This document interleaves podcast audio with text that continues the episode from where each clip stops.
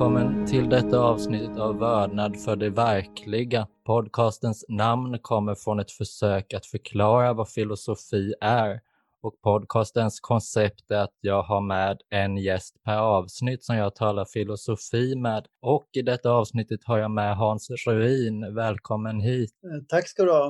Ehm, jag tänker på podcastens titel vördnad för det verkliga som ett sätt att koncist försöka sätta fingret på vad filosofi är för något. Hur skulle du förklara filosofi? Vad är det egentligen man håller på med? Ja, det finns ju din, din titel eh, knyter ju an på ett fint sätt till det som Aristoteles talar om i sin metafysik som det som sätter igång det filosofiska och vetenskapliga frågandet överlag. Han pratar om det just som en förundran. Det grekiska ordet är taumatsein eh, och ibland översätts det undran, ibland förundran, ibland bara nyfikenhet. Det är lite, man kan inte vara helt säker vad han menade med det, men det, det handlar ju någonstans om att ändå kunna att, uh, låta sig själv stanna upp och just uh, gripas av uh, att verkligheten finns och vilja förstå hur allting hänger ihop.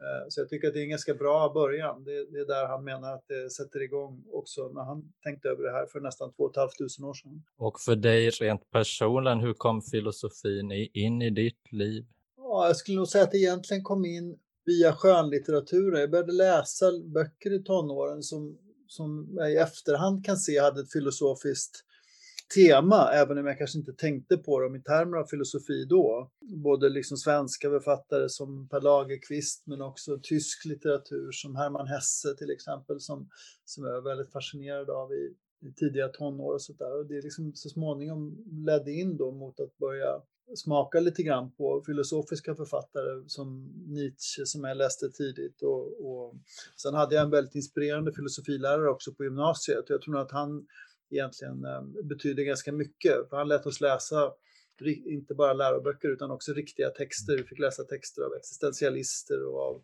behaviorister och fick diskutera med dem under gymnasieutbildningen. Så det satte igång min nyfikenhet på vad det här var för någonting och att jag ville veta mer. Och idag ska vi tala om Heidegger. Hur kom han in i bilden? Jag kan inte påminna mig faktiskt riktigt när jag första gången hörde talas om honom. Det kan ha varit någonting jag läste i någon tidning eller något sånt där i sena tonår. Det var inte det första jag själv eh, läste, men det var nog egentligen det där riktiga intresset väcktes nog av en lärare som kom att bli väldigt viktig för mig. En, en eh, polsk lärare som undervisade vid, vid Stockholms universitet när jag läste där första terminen som hade en kurs som hette just existentiell fenomenologi. Mm. Då läste vi en del av de här existentialistiska filosoferna både Kierkegaard och, och Sartre. Och då var det liksom ett stycke av Heidegger. Och det var ju det svåraste, men det var också på sätt och vis det mest fascinerande. Så att jag bestämde mig att jag ville försöka förstå lite mer av det där och började läsa det faktiskt på egen hand. Tog aldrig någon kurs bara om Heidegger, det fanns egentligen inte. Han undervisades ju inte så mycket på svenska universitet förutom då kanske som ett litet inslag i andra kurser. Men jag satte igång och läste honom själv då där i tidiga 20-årsåldern och kände att det här, här fanns det någonting som jag verkligen ville förstå mer av. Ja, vi ska ju tala om vara och tid, så jag tänker skulle du kunna berätta kort, vad är detta för bok vi ska tala om? Ja, det här Vara tid, eller Sign und Zeit då, som den heter på tyska, eh, den skrevs ju, eller publicerades då i Tyskland 1927 och eh, den eh, när Heidegger satte samman den här boken så var han, han var sedan tidigare doktor då, disputerade filosofi och på lite mer traditionella teman inom språkfilosofins historia och sånt där som han hade intresserat för och, och historiefilosofi. Men eh, han började undervisa i början av 20-talet och eh, först i Marburg och sen i Freiburg och liksom kände att han på något sätt ville försöka förnya filosofin så som den bedrevs då. Och han tänkte på något sätt att den den liksom traditionella metafysiken eller filosofin hade lite grann kört fast. Så att den här boken är ju på så vis ett slags uppbrottsverk, nästan ett lite revolutionärt verk inom filosofin. För han menar ju eh, väldigt storslaget i början att filosofin en gång verkligen tog tag i den stora frågan om varat, vad innebär det att någonting är? Men att den frågan inte har kommit vidare, att vi, liksom har, vi har eh, fastnat och, och, till slut har vi på något sätt slammat igen eh, av själva traditionen som gör att vi inte längre kan ta emot vår egen förundran inför att allting är. Så han, vill, han vill direkt liksom återkoppla till ett samtal med Platon och Aristoteles fast han vill göra det utifrån vår tid. Man kan mycket säga det utifrån existensfilosofiska frågor men som samtidigt riktar sig mot metafysikens och ontologins grundfråga, nämligen vad, vad är det som finns och vad betyder det att det finns? Eh, och sen så bygger han upp den här boken då som en inledning till det temat. Så att den, sen tar den upp en massa olika frågor om, om medvetande och språk och tid och historia och sådär. Så jag brukar säga att det på sätt och vis är som en ganska avancerad introduktionsbok till hela filosofin faktiskt. Ja, ja jag minns när jag stötte på den tanken, den frågan om vad det innebär att allting är och att den frågan egentligen är väldigt intuitiv, att den finns med oss tidigt i livet men att vi som Heidegger också uttrycker det glömmer bort det. Men när jag hörde talas om den frågan kände jag inte till hans tillvägagångssätt och det är en av de aspekter jag är väldigt nyfiken på hur du tänker med för han börjar ju där vara och tid med, eller tidigt i vara och tid att tala om vilka är det som ställer frågan, vem är det som frågar och svaret är någonstans att det är människan som svarar och att han kallar människan för, för tillvaro och människan måste vi förstå när vi förstår varat, hennes relation i världen eller hennes vara i världen och jag får inte helt, aldrig helt fått ihop detta med vad jag uppfattar också är något projekt att lämna det här antropocentiska och det här att människan är alltings utgångspunkt. Att även fast han har en väldigt originell syn på människan blir han ändå kvar i människan, att det hela tiden utgår från människan och också någon form av genomsnittsmänniska där med tillvaron. Jag funderar på hur gammal är tillvaron exempelvis eller ska man bara ta något genoms, någon genomsnittlig tillvaro? Jag blir inte klok på vem den här tillvaron är riktigt. Vad tänker du om det? Ja, nej, men det är en jätteviktig fråga du ställer och jag tror det är en fråga som han egentligen själv inte var kanske helt nöjd med, men vilket svar han, han landade i där. Men, men eh, man kan ju se det som att den, den moderna filosofin, om man tänker att den moderna filosofin börjar med Descartes, så inleds ju den med Descartes att han försöker liksom kasta sig av traditionen och liksom alla etablerade begrepp och, liksom, och, och försöka liksom tänka fritt från början. Och då menar han för att kunna tänka fritt så måste vi någonstans försöka inom oss själv hitta en grund eller åtminstone någon resonans eh, som gör att vi kan liksom på, något, på nytt eh, stå Eh, om inte stadigt så i alla fall liksom att vi får en utgångspunkt från vilken vi kan röra oss. Så Descartes återvänder ju på så vis till, till det mänskliga medvetandet eller subjektet. Och eh, samtidigt som liksom Heidegger då, som du själv säger, liksom är kritisk mot den, vad han tycker har liksom blivit en överdriven subjektivism i den moderna filosofin, så är det någonting liknande han gör också. Han säger att vi måste på något sätt gå tillbaka till oss själva, men vi ska inte gå tillbaka till oss själva för att stanna där, eller för att vi på något sätt hittar någon absolut fast fundament i subjektet eller erfarenheten. Utan det är mer för hans del så är det mer en följd av att den fråga vi vill ställa, nämligen liksom vad betyder det att någonting är och vad betyder, på vilket sätt kan vi tala om, om varat och det varandes mening, att den frågan kommer alltid stå i ett ömsesidigt eller reciprokt förhållande till den som, som frågar. Eh, så att när, eh, vi kommer liksom inte loss kan man säga från den här liksom reflexiva situationen som filosofin måste jobba sig ur. Men det som skiljer honom från Descartes och kanske från Kant också är att han säger från början att vi, vi backar inte tillbaka för att stanna utan det är mer för att hitta en plattform för att gå vidare. Sen kommer han i sina senare texter tycka att han ändå lite grann hade liksom hamnat i, i en alltför antropocentrisk Eh, position för att använda ditt begrepp, och han använder inte det, men att, det blev för subjektivistiskt. Så han försöker liksom att en, i ännu högre grad gå liksom direkt mot frågan kanske om sanning eller verk eller ting och sånt där i senare texter. Jag kan nog tycka att den här första ansatsen ändå är, den har sin giltighet om man, om man inte ser det som att, att vi ska bli kvar där, utan det är mer för att påminna oss om att vi är alltid själva delaktiga i det vi försöker förstå. Så jag ser det mer som en slags reflexiv praktik. Eh, som öppnar upp ett, ett, perspektiv på saker och ting snarare än att det fastnar där. Vem skulle du säga att den här tillvaron är som vi kastas tillbaka till? Är det bara vi i egen person? Eller är det något typiskt mänskligt han vill åt? Jag tänker på det här att vardagen finns med så tydligt hos honom. Är det en typisk människa han vill åt eller är det människan i alla tider? Eller vad är det här mänskliga? Är det just bara förmågan att kunna ställa en sån fråga som vad innebär det att någonting är? Nej, han menar att det finns någonting sånt som en, en, en generell mänsklig tillvaro som vi kan arbeta oss ner mot om vi reflekterar liksom i tillräckligt Eh, allmänna termer och inte låser oss vid liksom vår egen kultur och dess artefakter och uttryck så kan vi ändå som människor, menar han, liksom utforska det gemensamma. Det här som Ekelöf säger, det som är botten i mig är också botten i andra. Att det finns liksom någonting som, som, eh, som gör att vi kan vi kan överskrida kulturella och historiska ramar om vi bara eh, försöker att tillräckligt ärligt konfrontera den situation vi befinner oss i. Och det här är naturligtvis lite provocerande, liksom en del liksom,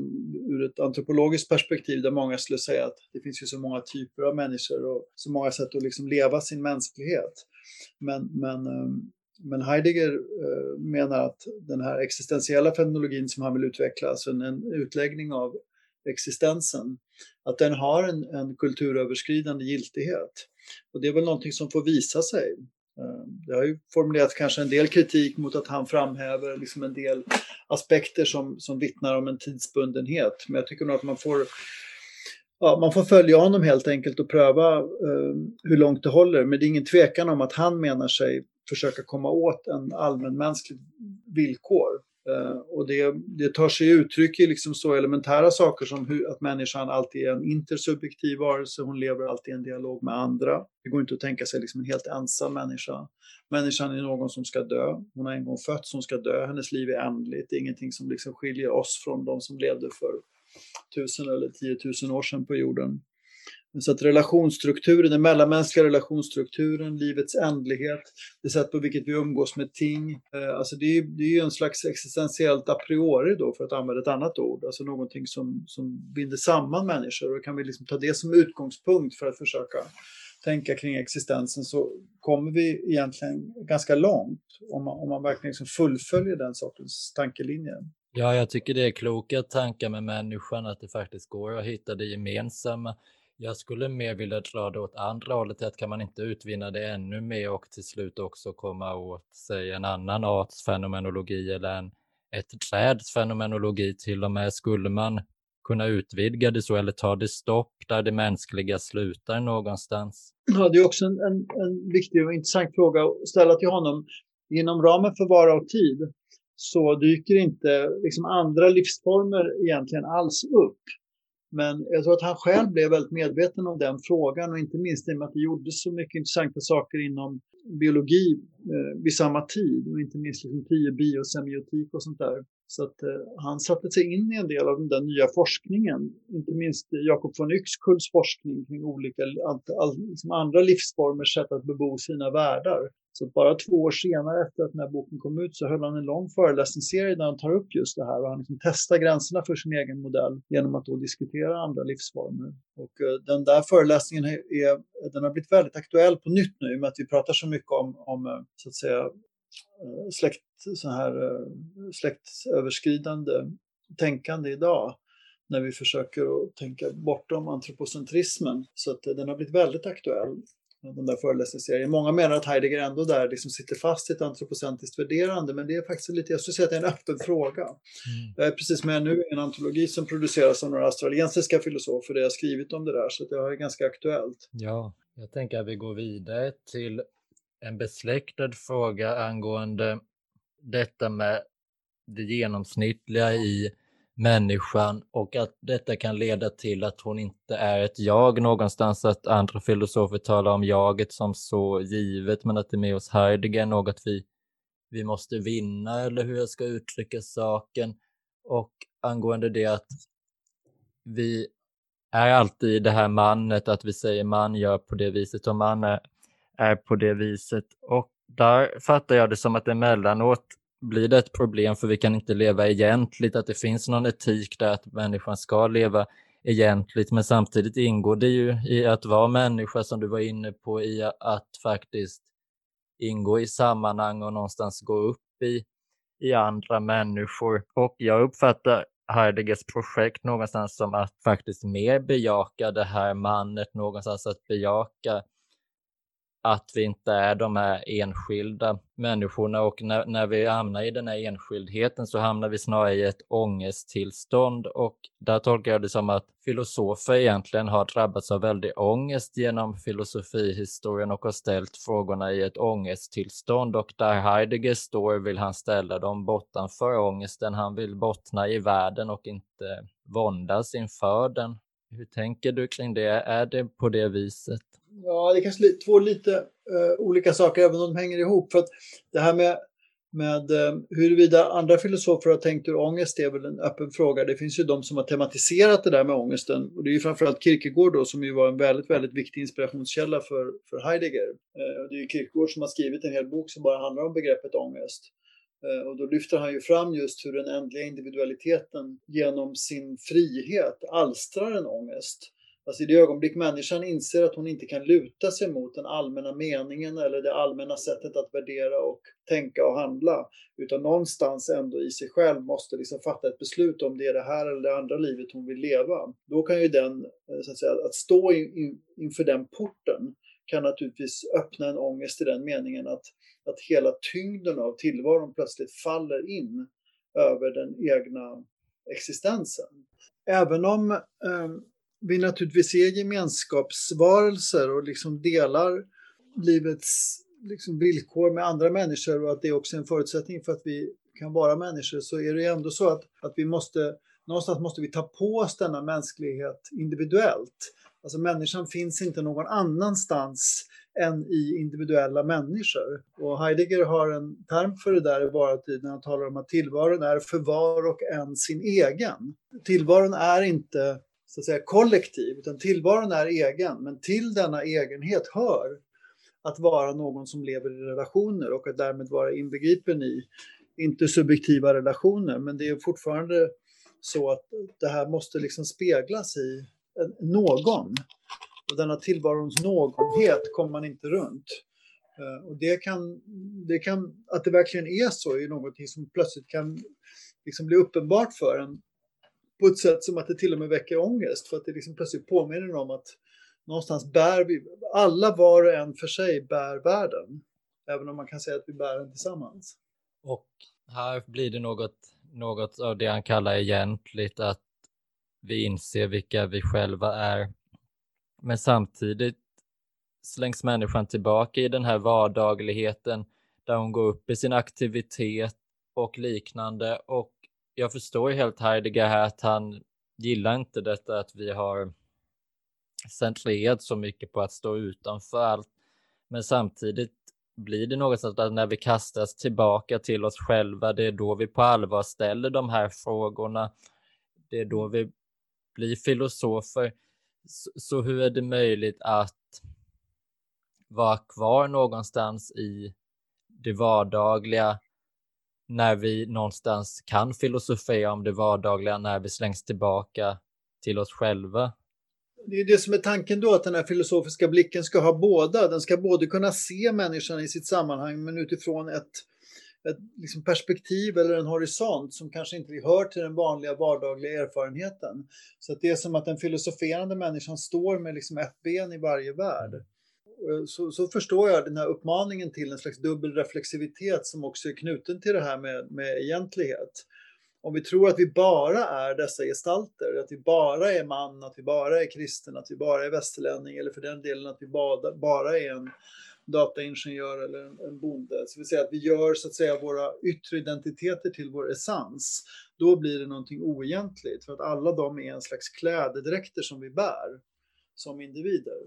Ja, precis. Men han är mer positiv när han exempelvis talar om en aktivitet i världen. Där finns det också något, jag vet inte om man kan kalla det egentligt, men det finns något i den här aktiviteten i världen, i att ständigt vara i världen och sedan den här ångesten av att vara utanför. Går, går det att tala om att det finns någon värdering i detta eller är det bara ett, ett sånt konstaterande att vi slängs mellan oss själva och så slängs vi tillbaka i världen och både och behövs egentligen för, i slutändan för att leva ett egentligt liv? ja, vi kan aldrig lämna världen. Du hör ju till, vi är ju så att säga kastade in i världen, in i relationer, liksom in i en historisk situation. Den kan vi ju inte göra oss av med som genom någon slags filosofiskt trollslag. Däremot kan vi liksom lära oss och också öva oss att reflektera över den från ett perspektiv där vi liksom delvis belyser det utifrån.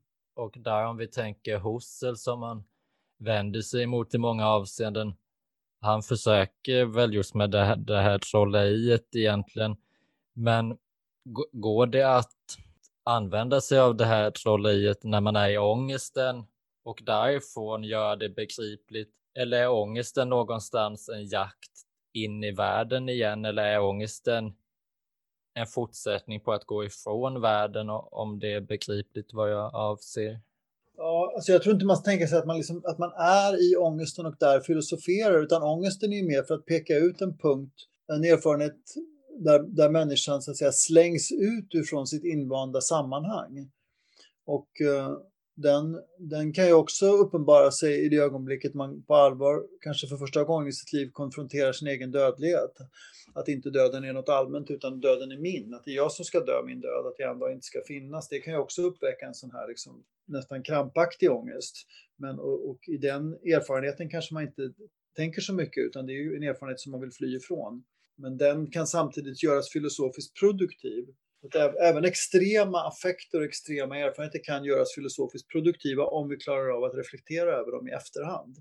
Jag tror ibland missförstår folk det och säger att man ska sitta liksom och ha ångest och tänka att man då liksom tänker klarare än annars. Så tror jag egentligen inte att det är menat.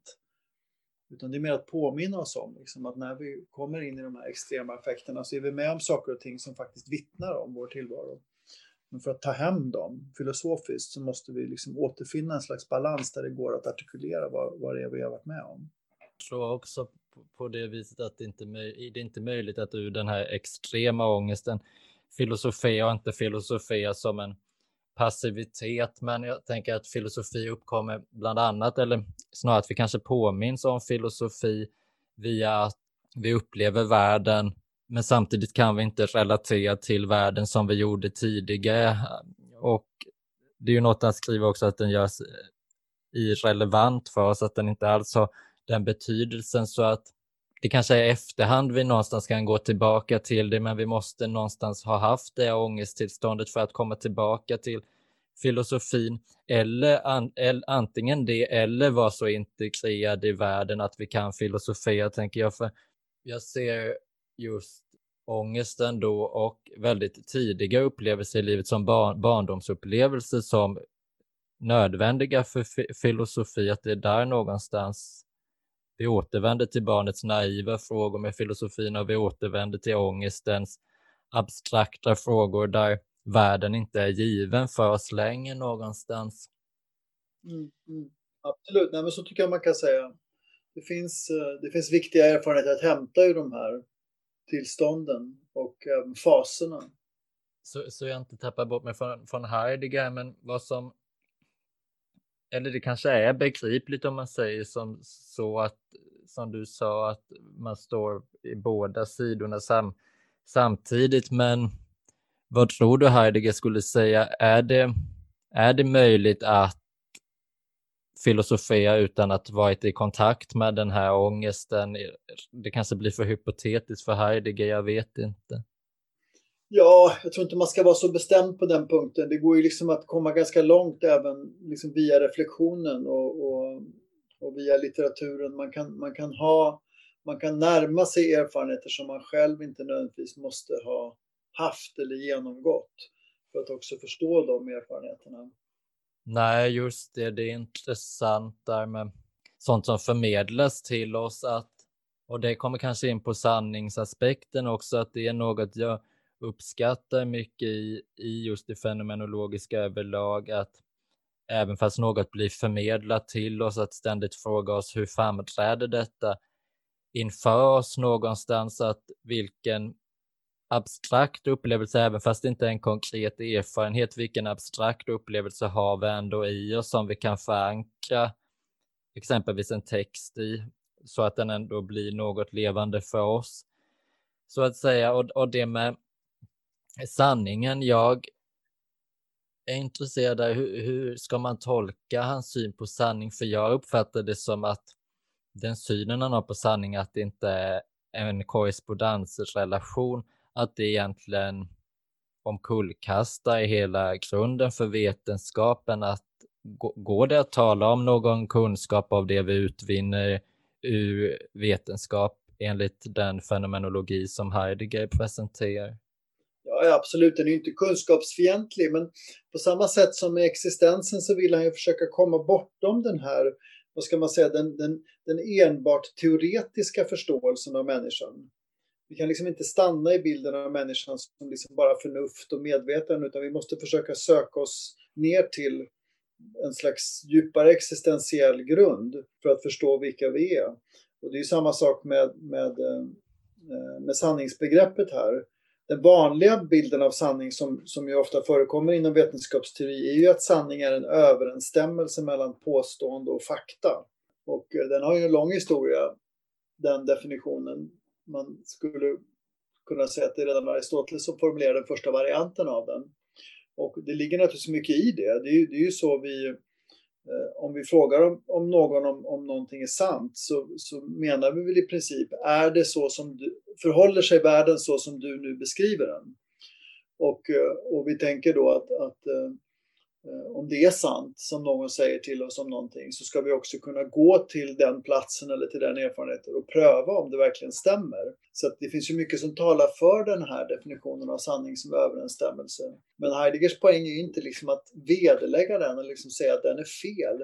Utan han vill mer peka på frågan vad för slags varelse är människan så att hon kan stå i en sån relation till världen, att hon kan tala om sig själv som överensstämmande med världen.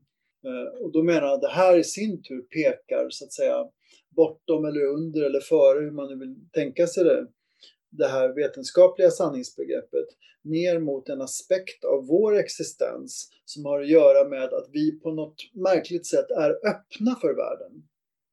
Alltså vi, vi är inte bara när, när vi befinner oss liksom i ett rum tillsammans med andra ting så är det inte bara att i rummet finns det en lampa, ett bord och en stol och sen en person.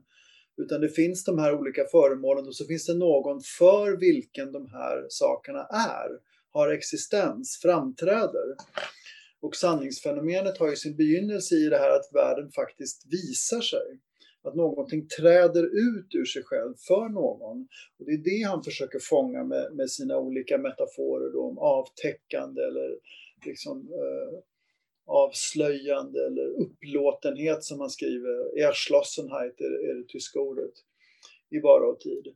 Så att jag skulle snarare säga att han vill försöka nästan göra en slags eh, liksom sanningsbegreppets psykoanalys. Att man liksom går djupare, man går ner liksom ett steg under och försöker tänka men vad, hur måste det vara för att vi ska kunna liksom sen fälla omdömen om hur saker och ting förhåller sig. Ja, då måste det här första redan ha liksom finnas till. Precis, det kan vara, men då tänker jag då kan det vara möjligt att etablera en vetenskap. Men det vet vi egentligen inte för vi har inte gjort den här djupdykningen i sanningen under den vetenskapliga tiden utan vi har bara direkt gått till den här korrespondensen och möjligen kommer vi kunna gå till den men jag fattar det som att Heidegger säger att vi vet egentligen inte det för först måste vi dyka djupt, djupt ner i vad kunskap är och vi kan inte vi kan inte förutsätta att vetenskapen finns kvar efter att vi har gjort den här djupdykningen. Man skulle kunna formulera så radikalt, men jag tror egentligen inte att han skulle säga det. Han skulle snarare säga att den här tolkningen behöver inte nödvändigtvis påverka de befintliga vetenskaperna eller de så att säga, sanningar som, som, som människan har uppnått och, och, och skrivit ner och lärt ut till varandra.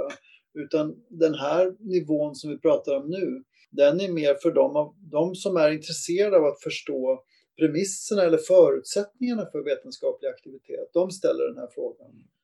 Att, men men det är en, när man sen kommer tillbaks till liksom den vanliga världen och liksom fortsätter att ta reda på hur det är och förmedla det så behöver inte det egentligen liksom påverkas till sitt innehåll av det här. Så det, det, det är det som ligger i den här existensfilosofiska sättet att närma sig frågor, att man, man vill liksom ha svar på, på, på det som man kanske vanligtvis inte ens liksom ser eller bryr sig om ungefär som Kant. Liksom. Heidegger var ju väldigt präglad av Kant, liksom de, alla i, i stort sett i hans filosofiska miljö. Och Kant ses ju av, av vissa personer som att han genom sin kritiska filosofi har på något sätt ifrågasatt vetenskapen genom att då göra sin vändning tillbaka till subjektet och kunskapsförmågan och att han kanske till och med menar att vi inte har tillgång till världen så som vi trodde. Men så tror jag inte Kant såg på sitt eget projekt. Han såg det nog snarare som att han liksom tänkte ett steg till och därmed så att säga visade att, att det vi har, det har vi, det förstörs inte av det här utan det är snarare som att vi lägger liksom ett skikt av förståelse till under det vi tidigare hade. Ja, det är en intressant tanke. Hur, hur tänker du där med, om vi säger att en typisk positivist talar med, med Heidegger, har de, olika upp, har de inte olika uppfattningar då om sanningen? Har de bara olika perspektiv? Vad skulle du säga om det? Jag tror de flesta som kallas för positivister, det är ju liksom ett lite vagt begrepp egentligen. De, de kanske inte är riktigt intresserade av att ställa de här frågorna utan de vill mer ha liksom ett användbart sanningsbegrepp som liksom då kan brukas inom specifika vetenskaper. Det var ju så de definitioner som föreslogs av de logiska positivisterna eh, var ju kanske inte så filosofiskt intressanta. Det handlade mer om att liksom få en strikt definition som man kunde använda inom logik och vetenskapsteori. De skulle nog, jag tror snarare att de skulle kanske säga att ja, men det där är en psykologisk fråga skulle de säga, hur vi upplever liksom världen. Det har liksom inte att göra med hur det förhåller sig. Men, men, men om man fullföljer fenomenologin konsekvent så menar man att det här är inte psykologi utan det här är mer som i Kants anda. Det här handlar om förutsättningarna för det vi överhuvudtaget sysslar med när vi sysslar med vetenskap eller matematik eller logik eller vad ni vill. Vad, vad blir då vetenskapen om man inte står på detta? Blir den jag tänker att den blir ett för, väldigt försvagat vetande om den inte har gått till botten med vad det är den talar om. Ja, att vetenskapen klarar av att hantera de saker om vilka den, den vet något, det kan ju då på något sätt anses vara en bekräftelse på att den står ganska stadigt trots allt. Men, men den här, när, man, när man betonar vikten av den här sortens analyser, då är det ju mer för att man är intresserad av att, att få en djupare förståelse av sin egen plats inom ett större liksom, kulturellt eller kosmiskt sammanhang de, de, eh, de som inte ställer de här frågorna kanske nöjer sig med att vi har en vetenskap, vi vet hur världen fungerar, hur den ser ut. Och så finns det vissa saker som vi kanske inte har förstått riktigt vad det gäller det mänskliga medvetandet eller hjärnan och sådär. Så, men det kommer vi förstå om 10 eller 50 år och då har vi liksom gjort färdigt vetenskapen. Men tänker man som Heidegger eller Husserl, då menar man att hela vetenskapen är i sig ett kulturellt, liksom språkligt projekt som man måste kunna sätta inom ett större sån här existentiellt och fenologiskt perspektiv. Och om vi inte klarar av att göra det så, så liksom hotar vetenskapen att inte bara liksom stärka människans plats i världen utan till slut sprida en slags vilsenhet eller alienation. Och det var ju så Husserl argumenterade i sina sena texter på 30-talet att vetenskapen har gått så långt och blivit så avancerad och den har liksom lämnat hela sin livsvärld bakom sig så att idag så, liksom så skapar den liksom problem lika mycket som den löser problem. Och det är därför som man måste gå tillbaka och reflektera över vad är vetenskap? Vem är människan som ägnar sig åt denna vetenskap? Vad är förnuft? Vad är medvetande? Så de, alla de här frågorna, de försvinner inte eller upplöses inte med vetenskapen utan det är som att de snarare stegras i betydelse. Ja, precis. Det blir väldigt begripligt hur vetenskapen har kunnat hamna där den är idag med alla dess restriktioner, när man bara betänker en sån sak att den egentligen inte frågar efter vad är det människan befinner sig någonstans, varför uppkommer de här begreppen, utan de är frikopplade från människan och då blir människan avhumaniserad och så ställer vi inte de här filosofiska frågorna heller. Så det, är, det du är inne på den bemärkelsen jag i, i synnerhet tänker mig att vetenskapen underkänns, att den underkänns för att den är oegentlig. Den tar inte tillvara på vad människan faktiskt är och vad människan kanske ursprungligen ville med vetenskapen. Ibland är det så, ibland är det inte så. Jag tror inte man ska vara för kategorisk. Det finns naturligtvis folk som ägnar sig åt vetenskap utifrån en massa olika affekter och mer eller mindre klarsynt förståelse av, av deras egen historiska situation. Så att eh, det går liksom inte att dra vetenskapen som kollektiv över en kam. Det, det finns ju, kan ju finnas folk som med en väldig sensibilitet ägnar sig åt väldigt avancerad liksom, teoretisk vetenskap, fysik och vad du vill. Så jag tycker att det man, man får vara liksom öppen där för, för, för olika sätt att, att bedriva en och samma verksamhet. Men det både Heidegger och Husserl uppmanar till är ju en slags djupare reflektion över vad det är man gör när man sysslar med vetande. Ja, nej men precis. Det finns ju vetenskaper som bottnar i något filosofiskt, absolut, men att vetenskapen tycks gå bort ifrån detta och även fast det finns vetenskapsmän som faktiskt är genuina i vad de gör, faktiskt har den här grundförståelsen, så tror jag ändå att de ingår i ett destruktivt sammanhang eftersom de här frågorna kommer bli inaktuella på ett eller annat, annat sätt. Mm. Ja, det kan man ha olika uppfattningar om, men, men som sagt, jag tror att det, det um, ur Heideggers perspektiv handlar det snarare om att, så att, säga, att uppmana även vetenskapen till att tänka. Mm. Så, så skulle Hanna Arendt också ha liksom uttryckt det, att det finns liksom en Eh, även bland avancerade teoretiska aktiviteter kan det ibland finnas en påfallande tanklöshet. Alltså en, en bristande reflexivitet. Man, man bedriver liksom sin verksamhet som om den vore en, en självklar praktik som vi vet exakt vad det är vi gör och varför vi gör det. Ja, det känns som vi fick sagt mycket om sanning tycker jag, så jag går vidare till ett annat tema om du inte har något mer du vill ha sagt här. Nej, gör gärna det. Och det är detta med stämning som jag tycker är ett av Heideggers mest fascinerande begrepp. Detta med att vi hamnar i olika stämningslägen i världen som inte nödvändigtvis behöver bero på att något faktiskt har ändrats, men att den framträder på ett helt annat sätt. Att samma sak, vad vi tror är samma sak i alla fall, kan framträda på så olika sätt och att det finns något något så enskilt i de här stämningarna som vi hamnar i. Och det kan drabba mig på ett djupare sätt än solipsismen som Heidegger på ett sätt motbevisar mm, just med stämning att ja, vi är i samma värld och allt detta, men om vi ändå är i så olika stämningar, är det en samma värld? Spelar det någon roll att vi kan ha samma kunskap om saker om vi ändå är i så totalt skilda stämningar som gör att världen framträder på så fundamentalt olika sätt för oss. Eh, hur förstår du stämningen hos Heidegger? Alltså med stämning vill jag lyfta fram det faktum att, att tillvaron aldrig är helt neutral.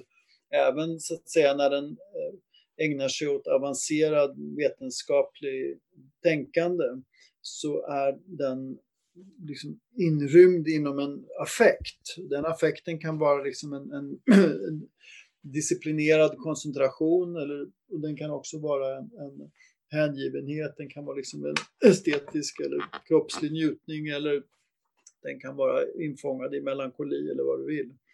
Så att, eh, jag tycker det här är liksom en av hans stora eh, upptäckter eller åtminstone liksom djupa iakttagelser att tillvaron är aldrig så att säga stämningsfri. Eh, och, och i den meningen så har stämningarna eller affekterna eller vad man nu ska...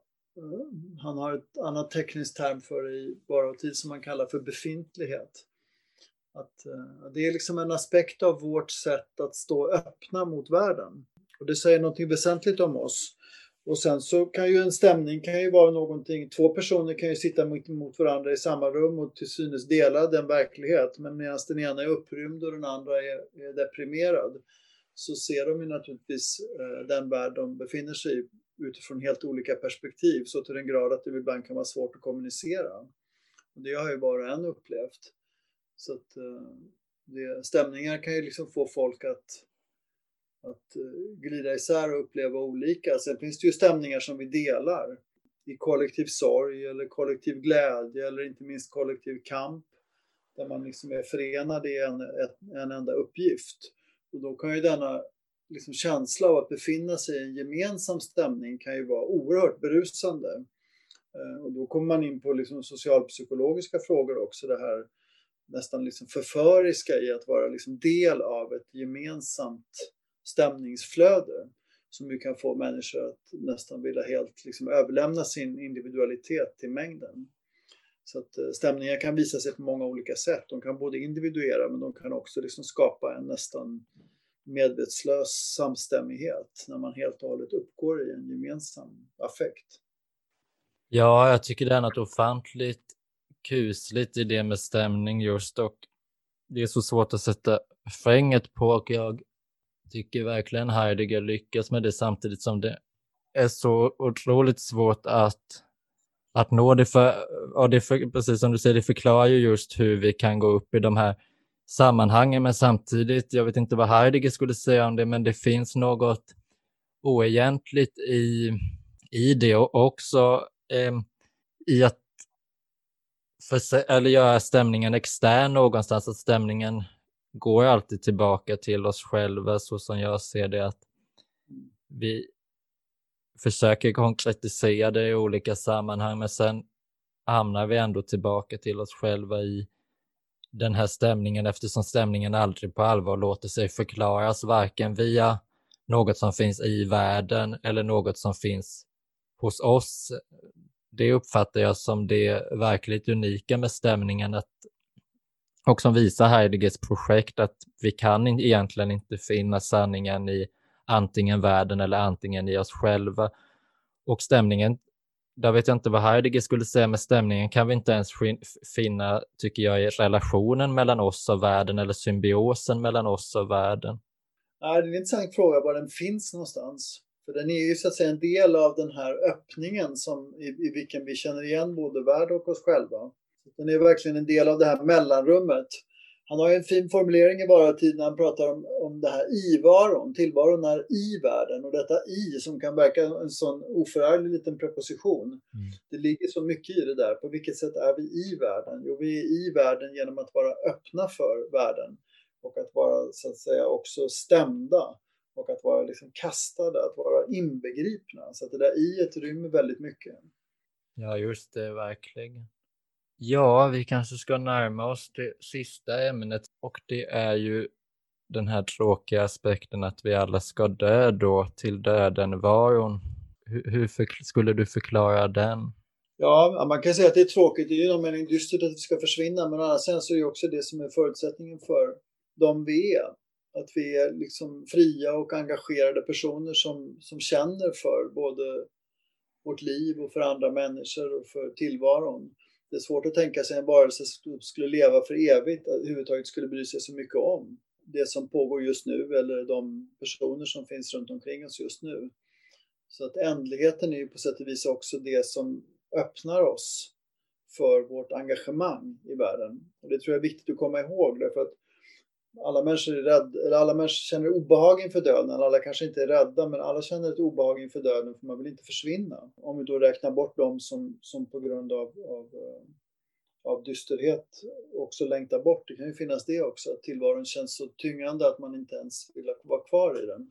Men för de allra flesta så är ju döden någonting som man vill hålla så långt borta. Men då kan det vara värt att, att också fundera över det. Alltså vad vore ditt liv utan det faktum att du ska ta slut. Och kan man ta med sig döden in i livet så behöver inte döden nödvändigtvis bli någonting som man liksom bara fruktar eller försöker hålla borta eller inte tänka på. Utan då kan man liksom se det som att ja, jag är på väg dit. Men vore jag inte på väg dit så skulle inte allt det här andra som betyder så mycket för mig också finnas där på det sättet. Det är ju på sätt och vis en sokratisk lärdom. Sokrates säger ju det i flera av dialogerna som Platon har skrivit att filosofin handlar om, om konsten att dö. Det är att leva på ett sådant sätt att man övar sig inför döden och när väl döden kommer så ska man inte frukta den utan också kunna ta emot den. Det är ju det här talet som Sokrates håller där när han sitter själv i sin fängelsecell och försöker uppmuntra sina vänner till att liksom inte sörja och inte bry sig för mycket om det som ska hända sen utan vara liksom, att vara kvar där.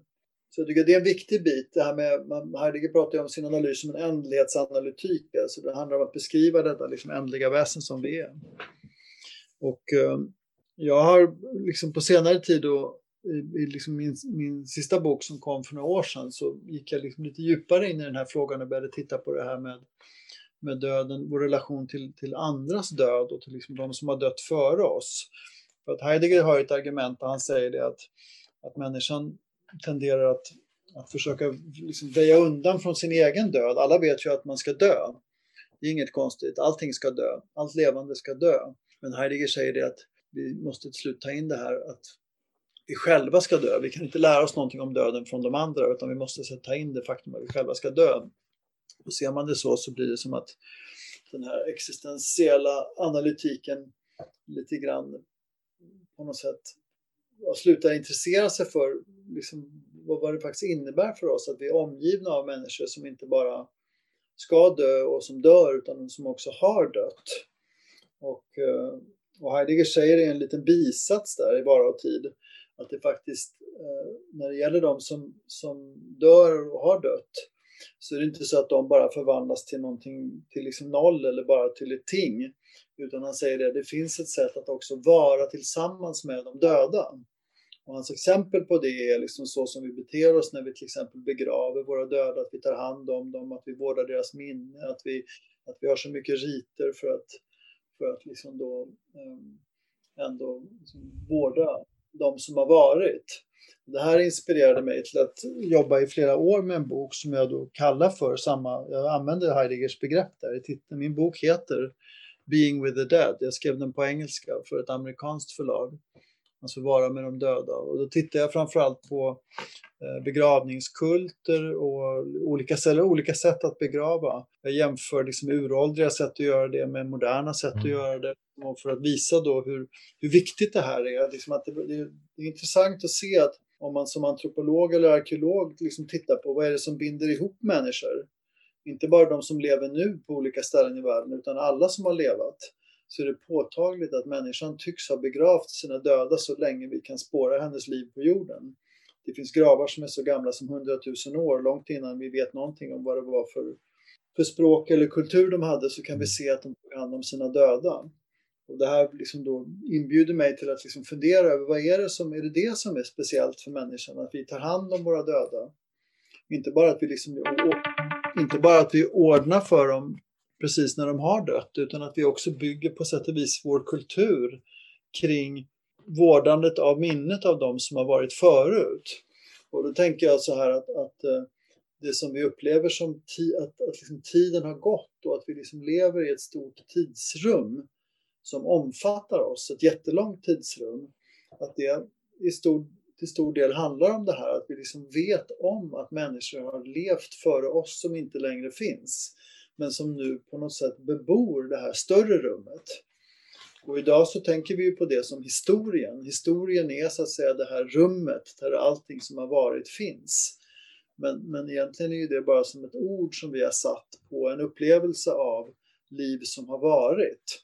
Så att jag försöker då förmedla bilden av att liksom vår kulturs intresse för historia och upplevelse av historia går tillbaka på den här både vetskapen om de som har levt före oss och också vårt liksom, engagemang i dem. Så att man kan säga att jag bygger vidare på Heideggers teori i Vara och tid eh, med den här analysen av, av liksom varat med de döda som ett sätt att förstå människan som historisk varelse. Mm. Ja, det är väldigt intressant. Jag, jag tänker på det till döden varon, att på ett sätt delar jag den uppfattningen att det, precis som du säger, säger att det är, går knappt att föreställa sig ett liv där vi inte ska dö och alla våra egenskaper någonstans bestrider döden.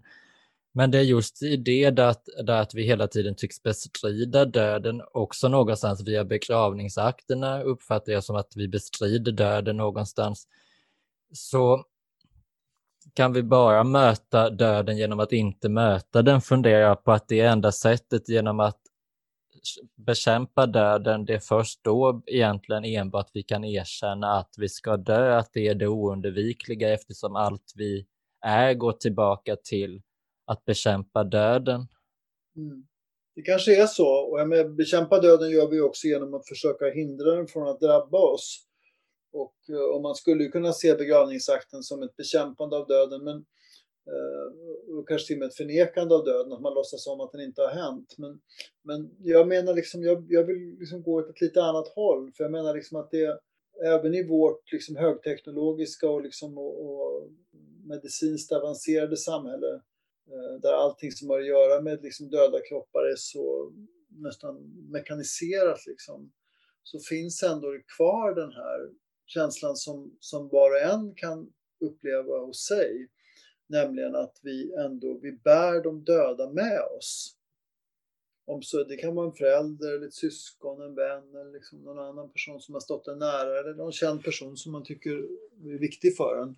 Så är så att säga våra, våra, våra medvetanden är liksom fyllda av de här rösterna av de som har gått före. Eh, och det är ju inte för att vi förnekar döden utan det är mer för att vi är varelser som inte bara står i en dialog med de som finns utan också de som inte längre finns.